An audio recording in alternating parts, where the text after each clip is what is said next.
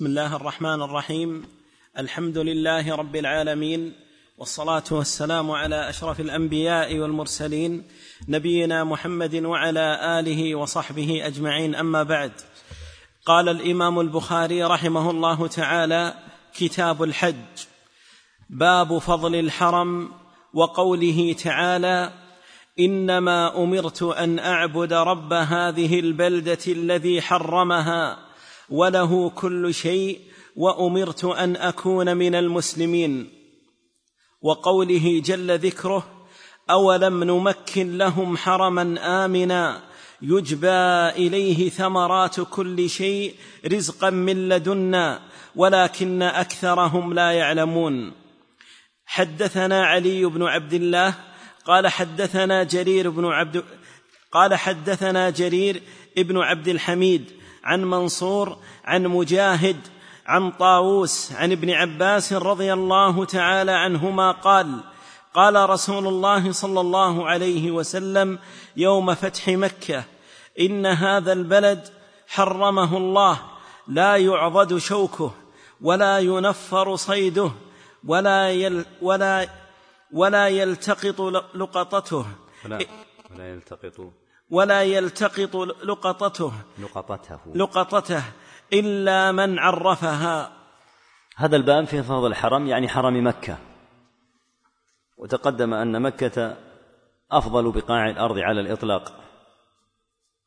استدل بقوله تعالى إنما أمرت أن أعبد رب هذه البلدة. أضاف الرب سبحانه وتعالى ربوبيته إلى البلدة وهي مكة. وهذه إضافة خاصة وإلا فالله رب كل شيء سبحانه. إنما أمرت أن أعبد رب هذه البلدة الذي حرمها. فإضافة الربوبية إلى مكة هذا تشريف لمكة. ثم بين تعالى أنه حرمها. ولهذا قال بعد أن ذكر أنه رب مكة وله كل شيء. هو رب مكة ورب كل شيء وكل شيء له سبحانه وتعالى ملك. ثم أورد قوله تعالى أولم نمكن لهم حرما آمنا؟ فكانوا يأمنون فيه ولا يتعرض لهم وكان حرما آمنا يجد الرجل قاتل أبيه فلا يهيجه ولا يتعرض له لأنه في حرم آمن. ثم من الله تعالى على أهل هذا الحرم بهذه النعم. تجبى إليهم الثمرات يجبى إليه ثمرات كل شيء رزقا من لدنا. فمكن الله تعالى لهم في هذا الحرم. ثم ذكر حديث ابن عباس رضي الله عنهما في خطبته صلى الله عليه وسلم يوم الفتح بتحريم الرب سبحانه هذا الحرم. ثم ذكر الأحكام الثلاثة هذه الموجودة فيه ويأتي لها باب إن شاء الله تعالى يفصل فيه شرحها بحول الله. نعم. باب توريث دور مكة وبيعها وشرائها وأن الناس في المسجد الحرام سواء خاصة.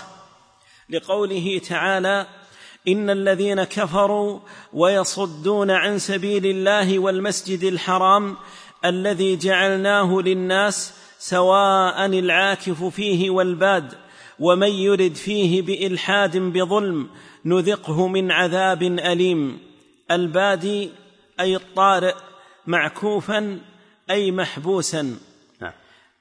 حدثنا أصبغ قال أخبرني ابن وهب عن يونس عن ابن شهاب عن علي بن حسين عن عمرو بن ابن ابن ابن عثمان عن أسامة بن زيد رضي الله عنهما أنه قال يا رسول الله أين أين تنزل في دارك بمكة؟ أين تنزل؟ هذا استفهام ثم بعده استفهام آخر في دارك بمكة هكذا نعم. أنه قال يا رسول الله أين تنزل؟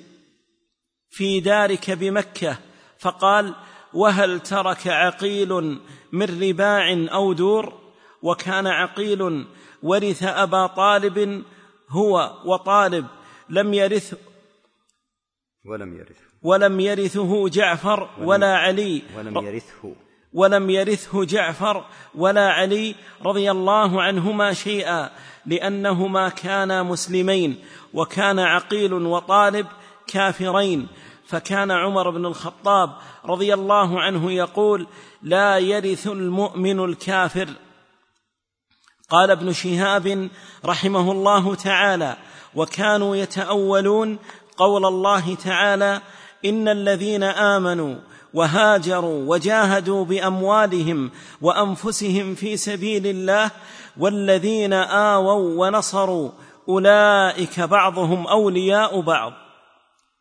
هذا الباب في عرض مسألة اختلف أهل العلم رحمهم الله تعالى فيها. مكة كما هو معلوم لها وضع خاص فهي حرام ثم إنها فتحت عنوة يعني بالقوة والبلاد المفتوحة بالقوة. إذا فتحت على أهلها وكانوا كفارا فإنها تكون للمسلمين حتى أهلها يكونون سبيا ويكون الرجال فيهم الأحكام القتل أو المن. أما النساء والذرية فإنهم يكونون سبايا وهكذا الأملاك الموجودة من حروث وزروع كلها تكون غنائم تغنم. لكن النبي صلى الله عليه وسلم من على أهل مكة وجعله أطلقهم لله تعالى. هنا مسألة هل مكة يجوز البيع فيها والشراء وهي حرم وهل البيت الذي للإنسان في مكة يملكه بحيث إنه يقول هذا لي؟ أو يقال مكة جعل الناس فيها سواء. في قول الله عز وجل والمسجد الحرام الذي جعلناه للناس سواء العاكف فيه والباد. سيأتي الناس ليحجوا. فإذا ملكت مكة يقول طائفة من أهل العلم معنى ذلك أن هؤلاء الحجيج إلى أين يذهبون؟ ولهذا كان بعض أهل العلم يرى أن بيوت مكة لا يجوز أن تباع ولا يجوز أن تؤجر. حتى جاء عن عمر رضي الله عنه أنه نهى أهل مكة أن يبوبوا دورهم حتى ينزل الحجاج في عرصاتها. هذا قول لبعض أهل العلم رحمهم الله أن هذا هو وضع مكة. قول الثاني وهو الذي أشار البخاري رحمه الله تعالى إلى ترجيحه أن دور مكة تورث وتباع وأنها ملك لأهلها. وذلك أن الله سبحانه وتعالى أضاف الملك إلى أهلها للفقراء المهاجرين الذين أخرجوا من ديارهم وأموالهم. فنسب الديار إليهم سبحانه وتعالى. فلولا أنهم يملكونها لما ذكر الله تعالى ذلك في مزاياهم ولما كان إخراجهم منها ظلما. فإنك إذا أخرجت من غير دارك لا يكون ذلك ظلما بل يكون ذلك إخراج لك مما لا تملكه أصلا. فيتضح ما في ظلم الكفار للمهاجرين إذا تبين أمر ملكية الدور. ثم إن قوله تعالى والمسجد الحرام الذي جعلناه للناس سواء العاكف فيه فيه والباد. يعني أن الناس فيه سواء العاكف المقيم فيه والبادي الذي يأتي من غير أهل مكة. يقول البخاري رحمه الله الناس في المسجد الحرام سواء خاصة يعني الاستواء هنا ليس في أراضي مكة ودورها وإنما في المسجد الحرام والمسجد الحرام كما هو معلوم لا يمكن أن يقال لأهل مكة فيه مزية دون غيرهم المسجد الحرام الجميع. وهذا هو القول الذي عليه الجمهور رحمهم الله. فإن نسبة الله تعالى إضافة الرب سبحانه وتعالى الدور إلى أهلها. وهكذا قوله عليه الصلاة والسلام مثلا لما دخلوا مكة من دخل دار أبي سفيان فهو آمن فأضاف الدار لأبي سفيان. وقال من دخل بيته أيضا وأغلق داره فهو آمن فأضاف الدار إليه. ولم يخرجهم عليه الصلاة والسلام من هذه الدور. بعض أهل العلم رحمهم الله كما قلنا كره أو منع أمر البيع والشراء في دور مكة من هذا الوجه. والآخرون قالوا إن الأمر خاص بالمسجد.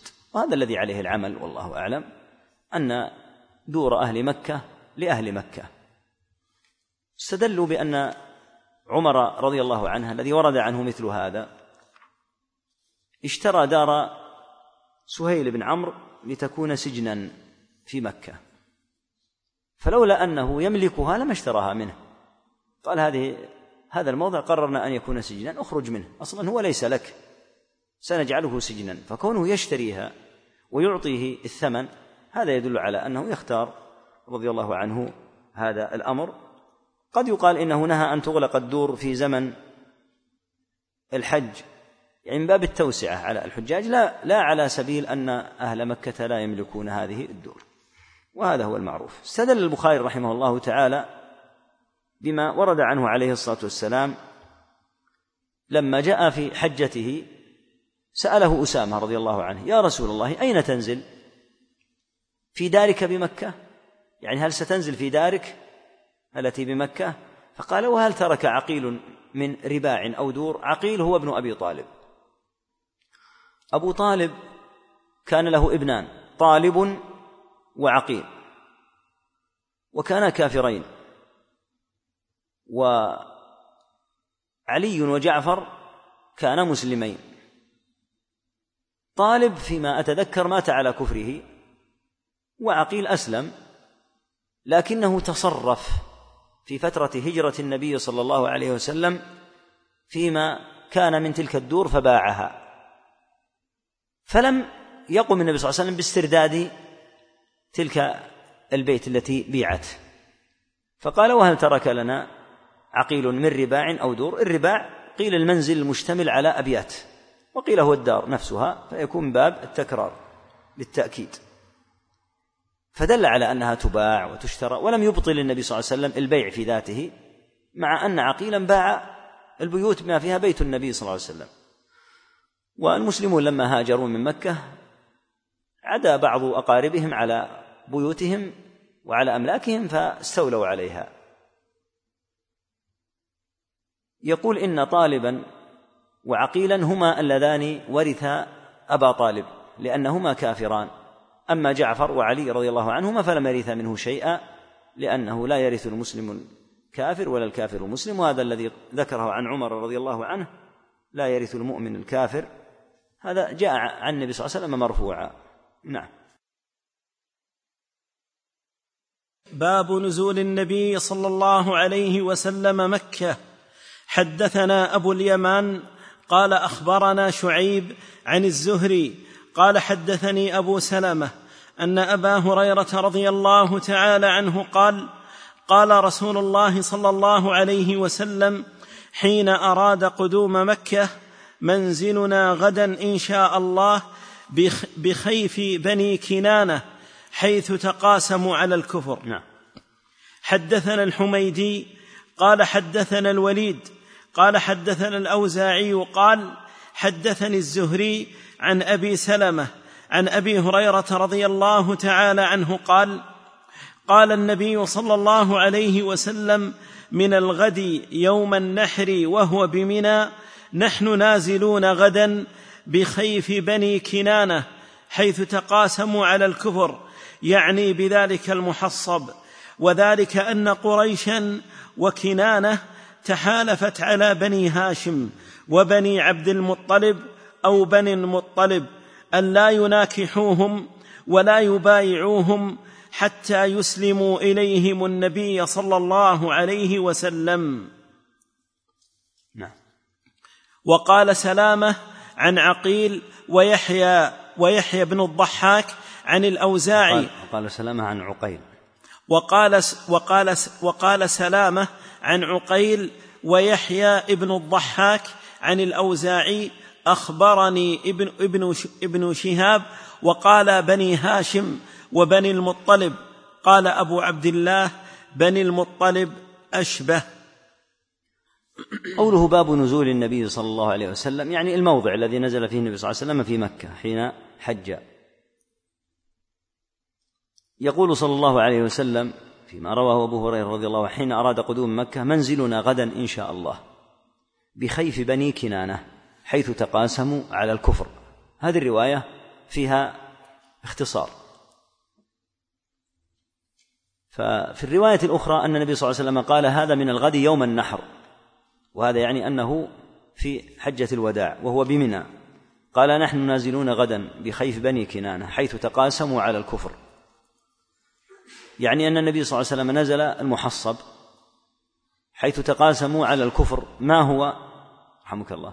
في بقية الخبر ما يدله. قال وذلك أن قريشا وكنانة تحالفت على بني هاشم وبني عبد المطلب أو بني المطلب يعني لما اتفقوا على أن يقاطعوا بني هاشم وبني المطلب فلا يناكحوهم ولا يبايعوهم ولا يكون بينهم وبينهم أي شيء كما في الرواية الأخرى. أن لا يكون بينهم وبينهم شيء. إلا إن سلموا لهم النبي صلى الله عليه وسلم فحصروهم ومنعوهم فالرب فالنبي صلى الله عليه وسلم كما ذكر شيخنا الشيخ بن باز رحمه الله حين نزل بني حين نزل هذا الموضع قال لإظهار عز الإسلام نزل على المكان الذي تقاسموا فيه على الكفر.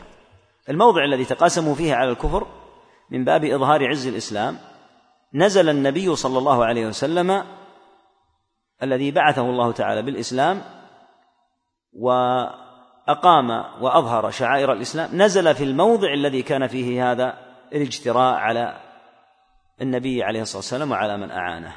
نعم. باب قول الله تعالى وإذ قال إبراهيم رب اجعل هذا البلد آمنا واجنبني وبني أن نعبد الأصنام. رب إنهن أضللن كثيرا من الناس فمن تبعني فإنه مني ومن عصاني فإنك غفور رحيم. ربنا إني أسكنت من ذريتي بواد غير ذي زرع عند بيتك المحرم. ربنا ليقيموا الصلاة فاجعل أفئدة من الناس تهوي إليهم. لم يذكر في هذا الباب حديثا والآية تناولت دعاء إبراهيم عليه الصلاة والسلام لما جاء بسارة لما جاء بهاجر وابنها إسماعيل.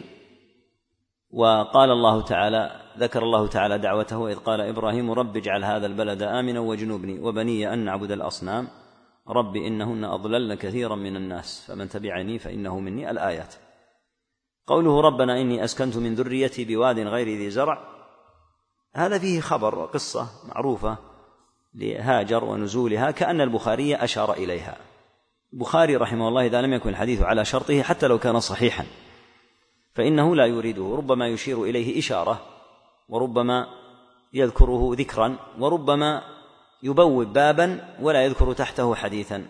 فيصلح ذاك الحديث الذي ليس على شرطه أن يذكر هنا. ومعروف أن إبراهيم جعل هاجر وابنها إسماعيل ثم ما ذكر الله تعالى من نبع الماء تحت قدم إسماعيل وتردد هاجر إلى آخره ثم جعل الله لمكة ما جعل من الفضل وما جعل فيها من هذه العبادة عبادة الحج. نعم. باب قول الله تعالى جعل الله الكعبة البيت الحرام قياما للناس والشهر الحرام والهدي والقلائد. ذلك لتعلموا أن الله يعلم ما في السماوات وما في الأرض وأن الله بكل شيء عليم. نعم. حدثنا علي بن عبد الله قال حدثنا سفيان قال حدثنا زياد بن سعيد قال حدثنا زياد بن سعد عن الزهري عن سعيد بن المسيب عن أبي هريرة رضي الله تعالى عنه عن النبي صلى الله عليه وسلم قال يخرب الكعبة. يخرب. نعم. يخرب.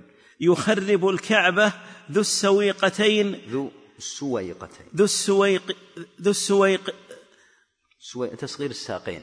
ذو السويق ذو السويقية سويقتين بفتح ذو السويقية ذو السويقتين من الحبشة. نعم. قال الله عز وجل جعل الله الكعبة البيت الحرام قياما للناس. أي أنها ما دامت موجودة فالدين قائم. ولهذا ما دام الناس يحجون ويقيمون هذه الشعائر فتجد أن في الدين قياما قبلة تستقبل وحج واعتمار فهذا من أمور الدين الكبار البينة الظاهرة. فجعل الله هذا البيت قياما للناس. ذكر فيه الحديث الأول وهو حديث معروف ويأتي إن شاء الله تعالى أيضا مفصلة رواياته أن النبي صلى الله عليه وسلم قال يخرب الكعبة ذو السويقتين. السويقتين تصغير الساقين من الحبشة. وهذا يدل على أن تدمير هذا البيت على يد الحبشة. وقد أرادوها أولا فحجبهم الله ومنعهم سبحانه كما هو معروف في حادثة الفيل وكما ذكر الله في سورة الفيل لكن قضى الله سبحانه وتعالى وله الحكمة البالغة في آخر الزمان أن يكون هدم الكعبة على أيديهم. يخرب الكعبة ذو السويقتين من الحبشة وذكر النبي صلى الله عليه وسلم صفته أصلع أفحج كأني أراه ينقضها حجرا حجرا ويضرب عليها بمسحاته إلى آخره. ما صلة الحديث؟ صلة الحديث أن البيت قبل أن يخرب فالدين قائم. فإذا هدم وذلك لا يكون إلا في آخر الزمان وفي حال من الاضطراب والفتن العظيمة جدا. فلا شك أن شيئا عظيما من الدين يتغير. والحج يكون في هذه الحالة في الطواف يكون في على موضع البيت إذا هدمت لأن الله تعالى جعل هذا البيت فإذا هدمت فإنه يطاف بالموضع الذي كانت فيه هذه الكعبة نسأل الله العياذ من الفتن ما ظهر منها وما بطن. نعم. حدثنا حدثنا يحيى بن بكير قال حدثنا الليث عن عقيل عن ابن عن ابن شهاب عن عروة عن عائشة رضي الله عنها وحدثني محمد بن مقاتل قال أخبرني عبد, عبد الله هو ابن المبارك قال أخبرنا محمد ابن أبي حفصة عن الزهري عن عائشة عن الزهري. عن الزهري عن عروة عن عائشة رضي الله عنها قالت كانوا يصومون عاشوراء قبل أن يفرض قبل أن يفرض رمضان وكان يوما تستر فيه الكعبة فلما فرض الله رمضان قال رسول الله صلى الله عليه وسلم من شاء أن يصومه فليصمه ومن شاء أن يتركه فليتركه ذكر حديث عائشة رضي الله عنها أن النبي صلى الله عليه وسلم أن الناس كانوا في يعني في مكة كانوا يصومون عاشوراء قبل أن يفرض رمضان. ذكرت فائدة أنه تستر الكعبة في يوم العاشر من محرم. فهذا فيه تحديد اليوم الذي كانوا يسترون فيه الكعبة. لما فرض الله رمضان صار صوم عاشوراء على الاختيار. من شاء أن يصومه فليصومه ومن شاء أن يتركه فليتركه. الشاهد أو المرتبط بالباب من الحديث قوله قولها وكان يوما تستر فيه الكعبة. فيه تحديد ستارة الكعبة والكعبة تستر ويحرص على سترها وتحسين سترتها ولهذا هي تستر وتكسى كل سنة. نعم. حدثنا أحمد قال حدثنا أبي قال حدثنا إبراهيم عن الحجاج ابن حجاج عن قتادة عن عبد الله بن أبي عتبة عن أبي سعيد الخدري رضي الله تعالى عنه عن النبي صلى الله عليه وسلم قال ليحجن البيت ليحجن. ليحجن البيت ولا يعتمر ولا ولا ولا يعتمر ولا يعتمرن ولا يعتمرن بعد خروج يأجوج ومأجوج. تابعه أبان وعمران عن قتادة وقال عبد الرحمن عن شعبة قال لا تقوم الساعة حتى لا يحج البيت والأول أكثر. سمع قتادة عبد الله وعبد الله أبا سعيد. ما عندك سمع أبا سعيد؟ كذا عقل. اختصر معناه اختصر. نعم. في هذا الحديث أن النبي صلى الله عليه وسلم أخبر أن البيت يحج بعد خروج يأجوج ومأجوج. في الحديث المتقدم أن الحبشة تهدمه. في هذا الحديث أن البيت سيظل يحج حتى بعد خروج يأجوج ومأجوج. أي أنه يستمر إلى مدة متقدمة جدا. يأجوج ومأجوج بعد أن يخرجوا يرسل الله عز وجل بعد أن يحصر عيسى عليه الصلاة والسلام ويحصر المؤمنون يرسل الله تعالى عليهم في رقابهم مثل النغف دود فيهلكون كموت نفس واحدة. ثم ينزل عيسى عليه الصلاة والسلام والمؤمنون من الموضع الذي حصروا فيه. فبعد يأجوج ومأجوج لا شك أنه يوجد عيسى عليه الصلاة والسلام لأن عيسى ينزل لأن الدجال قبل عيسى. ثم ينزل عيسى فيقتل الدجال. ثم يبعث الله تعالى يأجوج ومأجوج ويوحي إلى عيسى إني قد أرسلت أخرجت قوما يعني قد أخرجت عبادا لي لا يدان لأحد بقتالهم يعني لا طاقة لأحد بقتالهم. فحرز عبادي إلى الطور. فيحصر عيسى ومن معه من المؤمنين في الطور ثم يرغبون إلى الله تعالى ويدعونهم فيسلط الله على يأجوج ومأجوج هذا الدود حتى يهلكهم. ثم ينزل عيسى عليه الصلاة والسلام وينزل المؤمنون. فالبيت يحج. لا يزال لأن المؤمنين موجودون. الذي بعده لا تقوم الساعة حتى لا يحج البيت. يقول البخاري والأول أكثر. يعني أن الحديث الأول كأنه هو المعروف. لكن من حيث المعنى لا شك أنه بعد أن يبقى عيسى عليه الصلاة والسلام والمؤمنون ما شاء الله يرسل الله تعالى ريحا طيبة فتقبض روح كل مؤمن وكل مسلم. ويبقى شرار الناس يتهارجون فيها تهارج الحمر. فعليهم تقوم الساعة. فهؤلاء لا يكترثون بصوم ولا حج ولا صلاة لأنهم يعودون كما في الحديث الآخر يعودون لدين آبائهم يعودون لدين الجاهلية من جديد نعوذ بالله. فيعبدون الأصنام.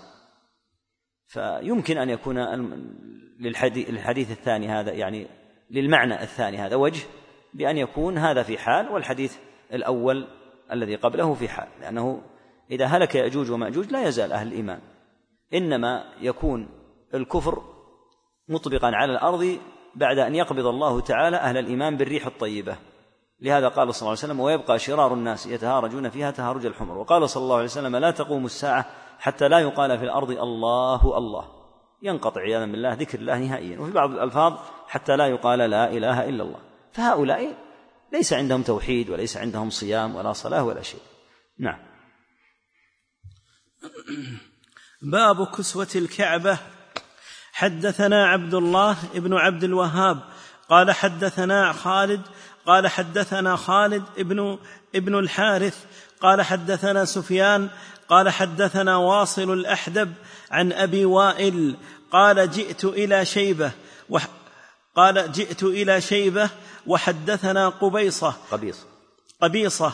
قال حدثنا سفيان عن واصل عن أبي وائل قال جلست مع شيبة على الكرسي في الكعبة فقال لقد جلس هذا المجلس عمر رضي الله تعالى عنه فقال لقد هممت أن لا أدع فيها صفراء ولا بيضاء إلا قسمته قلت إن صاحبيك لم يفعلا قال هما المرأ هما, هما المرآن أقتدي بهما. كسوة الكعبة الكعبة تكسى كما تقدم. ويشرع هذا وتحسن كسوتها ويحرص على أن أن تكون من الكساء الحسن متناسبا مع بيت الله عز وجل. وهذا دأب المسلمين منذ قرون وهم يكسون الكعبة. يقول أبو وائل جلست مع شيبة الحجبي ال... الذي إليه أمر حجابة الكعبة على الكرسي في الكعبة. فقال لقد جلس هذا المجلس عمر رضي الله عنه يعني معي. فقال لقد هممت ألا أدع فيها صفراء ولا بيضاء إلا قسمته. يعني الكعبة. لقد هممت ألا أدع فيها صفراء يعني من الذهب ولا بيضاء من الفضة إلا قسمته. لأن الكعبة لها كنز وهو الذي سيأتي في إن شاء الله عند الكلام على آه، هدم الكعبة. الذي يستخرج ذاك الكنز هم الحبشة الذين يهدمون الكعبة. فلما قال لقد هممت ألا أدع فيها صفراء ولا بيضاء إلا قسمته قلت إن صاحبيك لم يفعلها. وفي بعض الروايات أنه قال له ما أنت بفاعل؟ يعني لن تفعل هذا. قال لما؟ قال إن صاحبيك يعني رسول الله صلى الله عليه وسلم وأبا بكر رضي الله عنه من قبلك لم يفعلا ذلك. فقال هما المرآن أقتدي بهما. يعني ما دام كأنه يقول ما دام لم يفعلا فأنا لن أفعل. لماذا عمر رضي الله عنه يريد أن يصرف كنز الكعبة؟ يقول الناس أحوج وتنفق في سبيل الله عز وجل وتجعل في المحاويج وأهل المسكنة وتدفع إليهم أولى من أن تبقى في الكعبة. وفي رواية مهمة يندر التفطن لما فيها ذكرها الحافظ أن النبي صلى الله عليه وسلم قال لولا حدثان عهدك لولا حدثان قومك بكفر قاله لعائشة رضي الله عنها لهدمت الكعبة وجعلت لها بابين. ذكر فيه لأنفقت كنز الكعبة في سبيل الله النبي صلى الله عليه وسلم.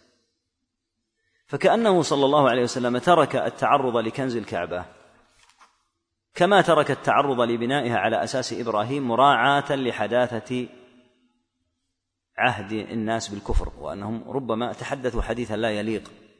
فلو أنه أقامها على أساس إبراهيم لربما قال بعض الجهلة إن محمدا صلى الله عليه وسلم هدم الكعبة وما هدمها ليدمرها ولكن هدمها ليبنيها البناء الذي أقامه عليها أقامه إبراهيم عليه الصلاة والسلام أقامها إبراهيم عليه الصلاة والسلام على أساسه. وهكذا ما يتعلق بإنفاق كنزها في سبيل الله الذي هم به عمر رضي الله عنه تركه عليه الصلاة والسلام أيضا لحداثة عهد القوم بالكفر. فهذا يظهر والله أعلم أن هذا الأمر قد يترك من باب المصلحة وإلا فلو قسم في سبيل الله كما هم عمر رضي الله عنه لما كان ثمة إشكال لكن تترك بعض الأمور خشية من أن يؤدي هذا إلى شيء من سوء فهم الناس أو الظن غير المناسب. سم. نعم.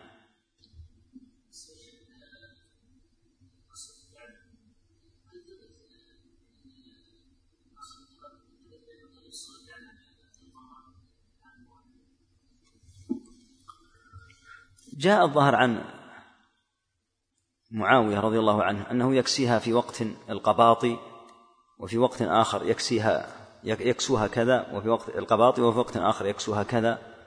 ف يعني قد يرون أن هذا من باب تعظيم الكعبة ويحسنونها ويحرصون عليها وحتى كان الحكام يتنافسون في هذا حتى إن بعضهم يمنع بعضا.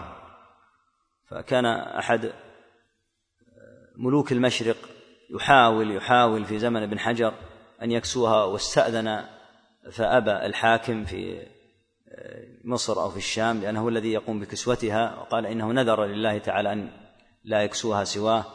ولما استفتي ابن حجر في هذا قال إن خشيت إن خشيت من فتنته أو الإشكالات فلك ذلك وإن كان يعني وإن كنت نذرت.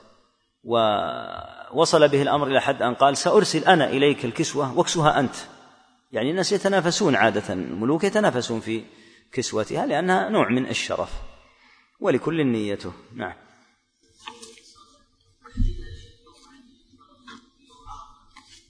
ينظر هدي السلف رضي الله عنهم.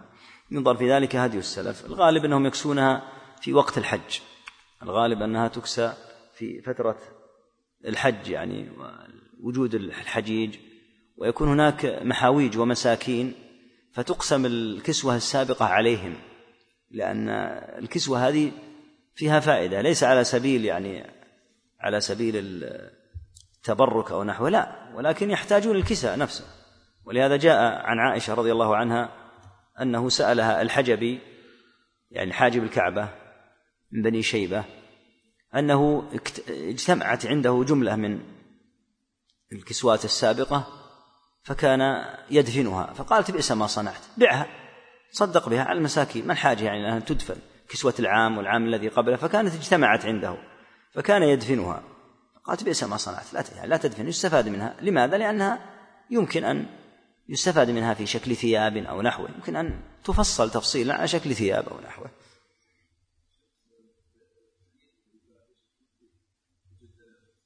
من أي ناحية؟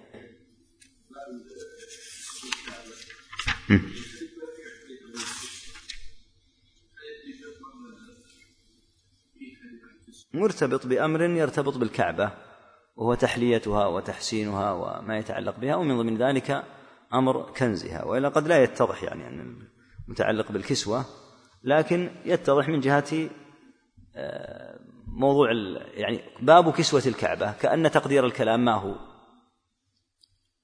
الحكم في التصرف فيها. ثم ذكر أمر كنز الكعبة وأن كنز الكعبة مثل كسوة الكعبة.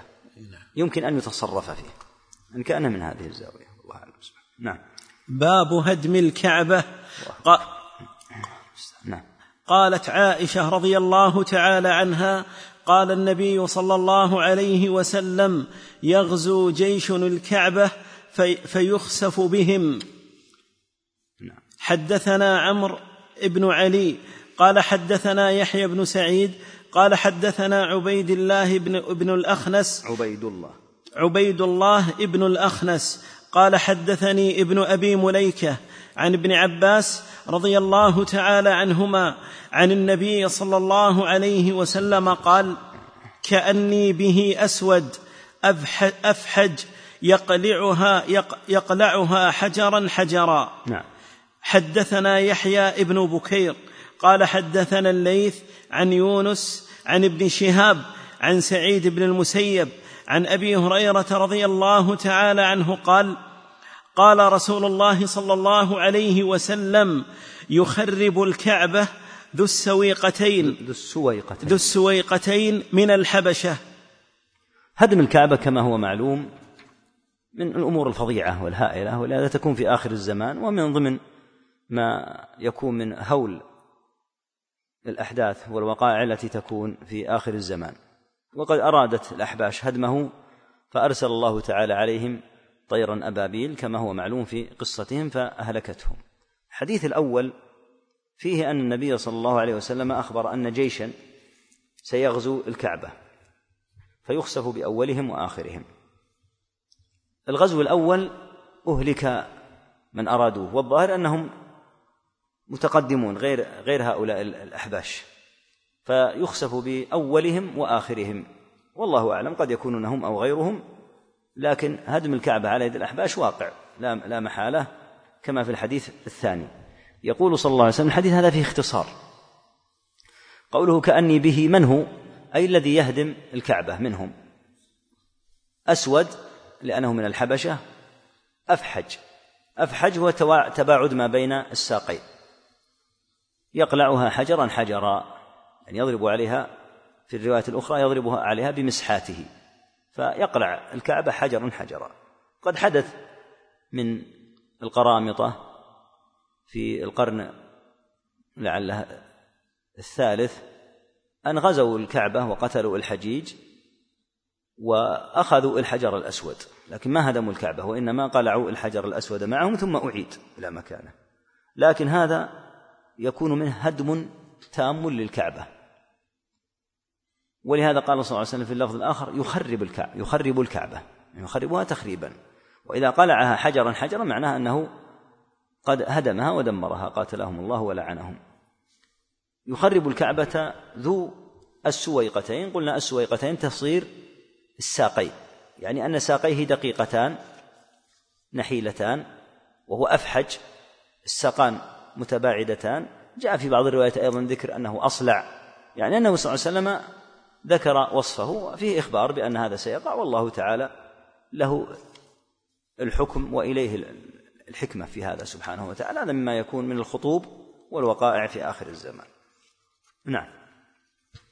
باب ما ذكر في الحجر الأسود.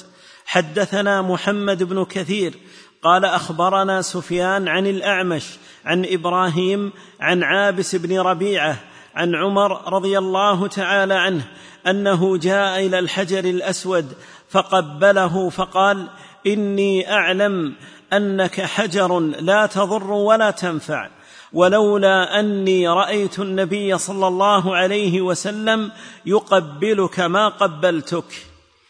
في هذا الحديث في هذا الباب ما يتعلق بالحجر الأسود والحجر الأسود جاء في بعض الروايات ما يدل على فضيلته منه أن من استلمه بحق فكأنما استلم يد الله وقبلها ومنه أن الحجر نزل من الجنة وذكر من بياضه وإنما سودته آه، خطايا أهل الشرك.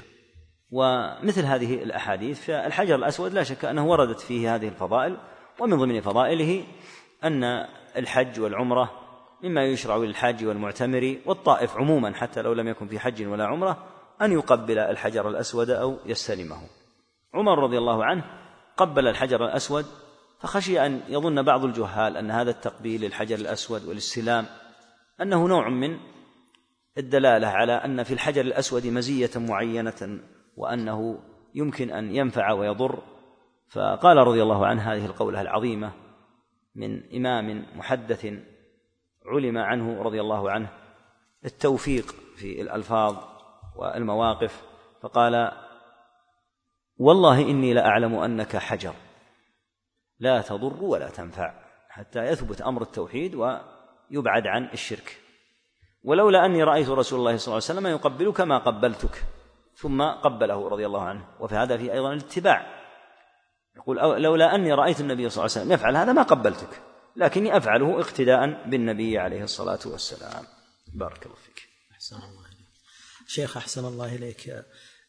بعضهم يربط الأحداث التي جرت في البلاد مؤخرا بالحديث اللي قرأناه هذا اليوم. يخرب الكعبة فما وجه هذا لا ينبغي ربط الأمور بهذا الشكل الموجود.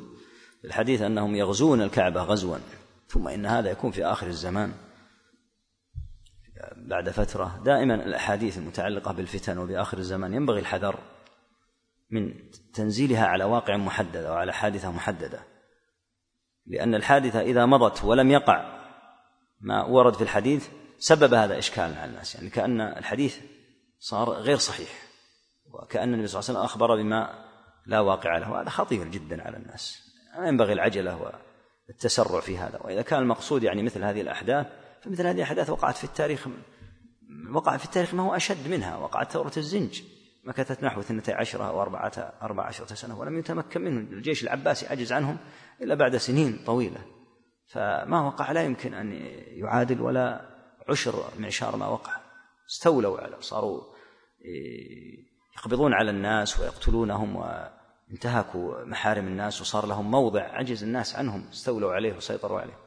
فلا ينبغي التعجل. بعض الناس ساعة يحدث حدث من الأحداث يسارع ويبادر إلى ربطه بحديث وهذا من جهله الحقيقة من قلة بصيرته لأن الأحاديث تارة تكون في فتن معينة متعلقة بآخر الزمان فكونه يربطها بواقعة وبحادثة لها نظائر كثيرة في التاريخ معناه ما هو؟ أنه لو كان زمن بني العباس لقالها ولو كان زمن بني أمية وحصل مثل هذا لقالها ولو كان من ثلاثمائة سنة لقالها على جهله. فلا تربط الأحداث بالنصوص إلا بطريقة على نهج أهل العلم الذين يعونها. الأخ يسأل عن جبل الطور الوارد في الحديث في شأن عيسى عليه السلام. هل هو في المعروف في سيناء؟ ذكر الله عز وجل طور سيناء في كتابه سبحانه وتعالى. وإن كان في الشام طور كلمة الطور هو الجبل الذي عنده شجر. فإن كان في الشام مثل هذا ما أدري أنا عنه لكن ذكر أنه في بيت المقدس الله أعلم. عيسى عليه الصلاة والسلام ينزل في دمشق أول نزوله عند عند المنارة البيضاء.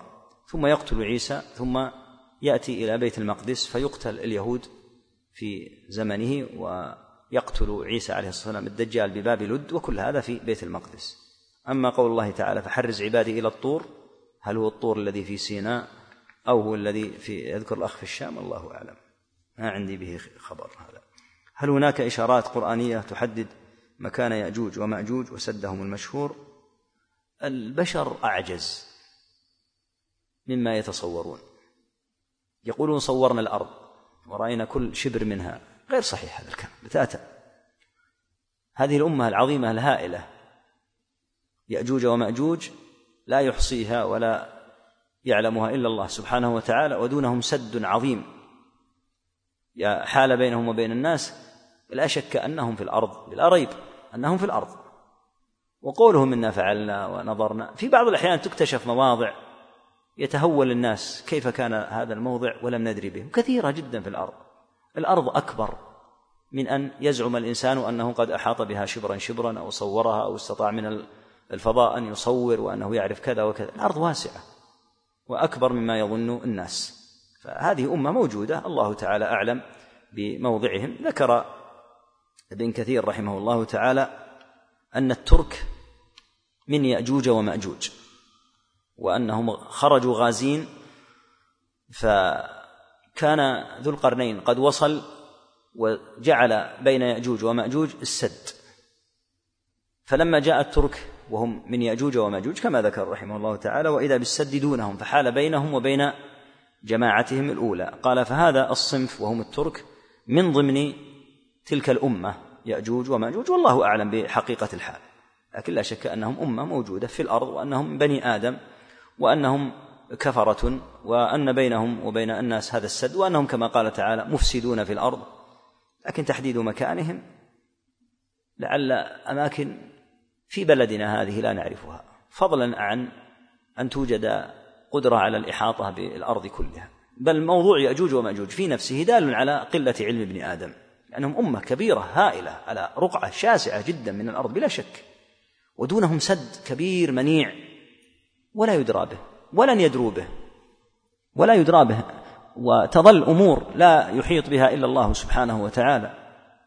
فالزعم بأنه يمكن أن يعني يعرف جميع ما في الأرض وأنه ربما قال قائل لا يفهم هذه الأرض قد اكتشفت أين يأجوج ومأجوج. قال من قلة بصيرتك.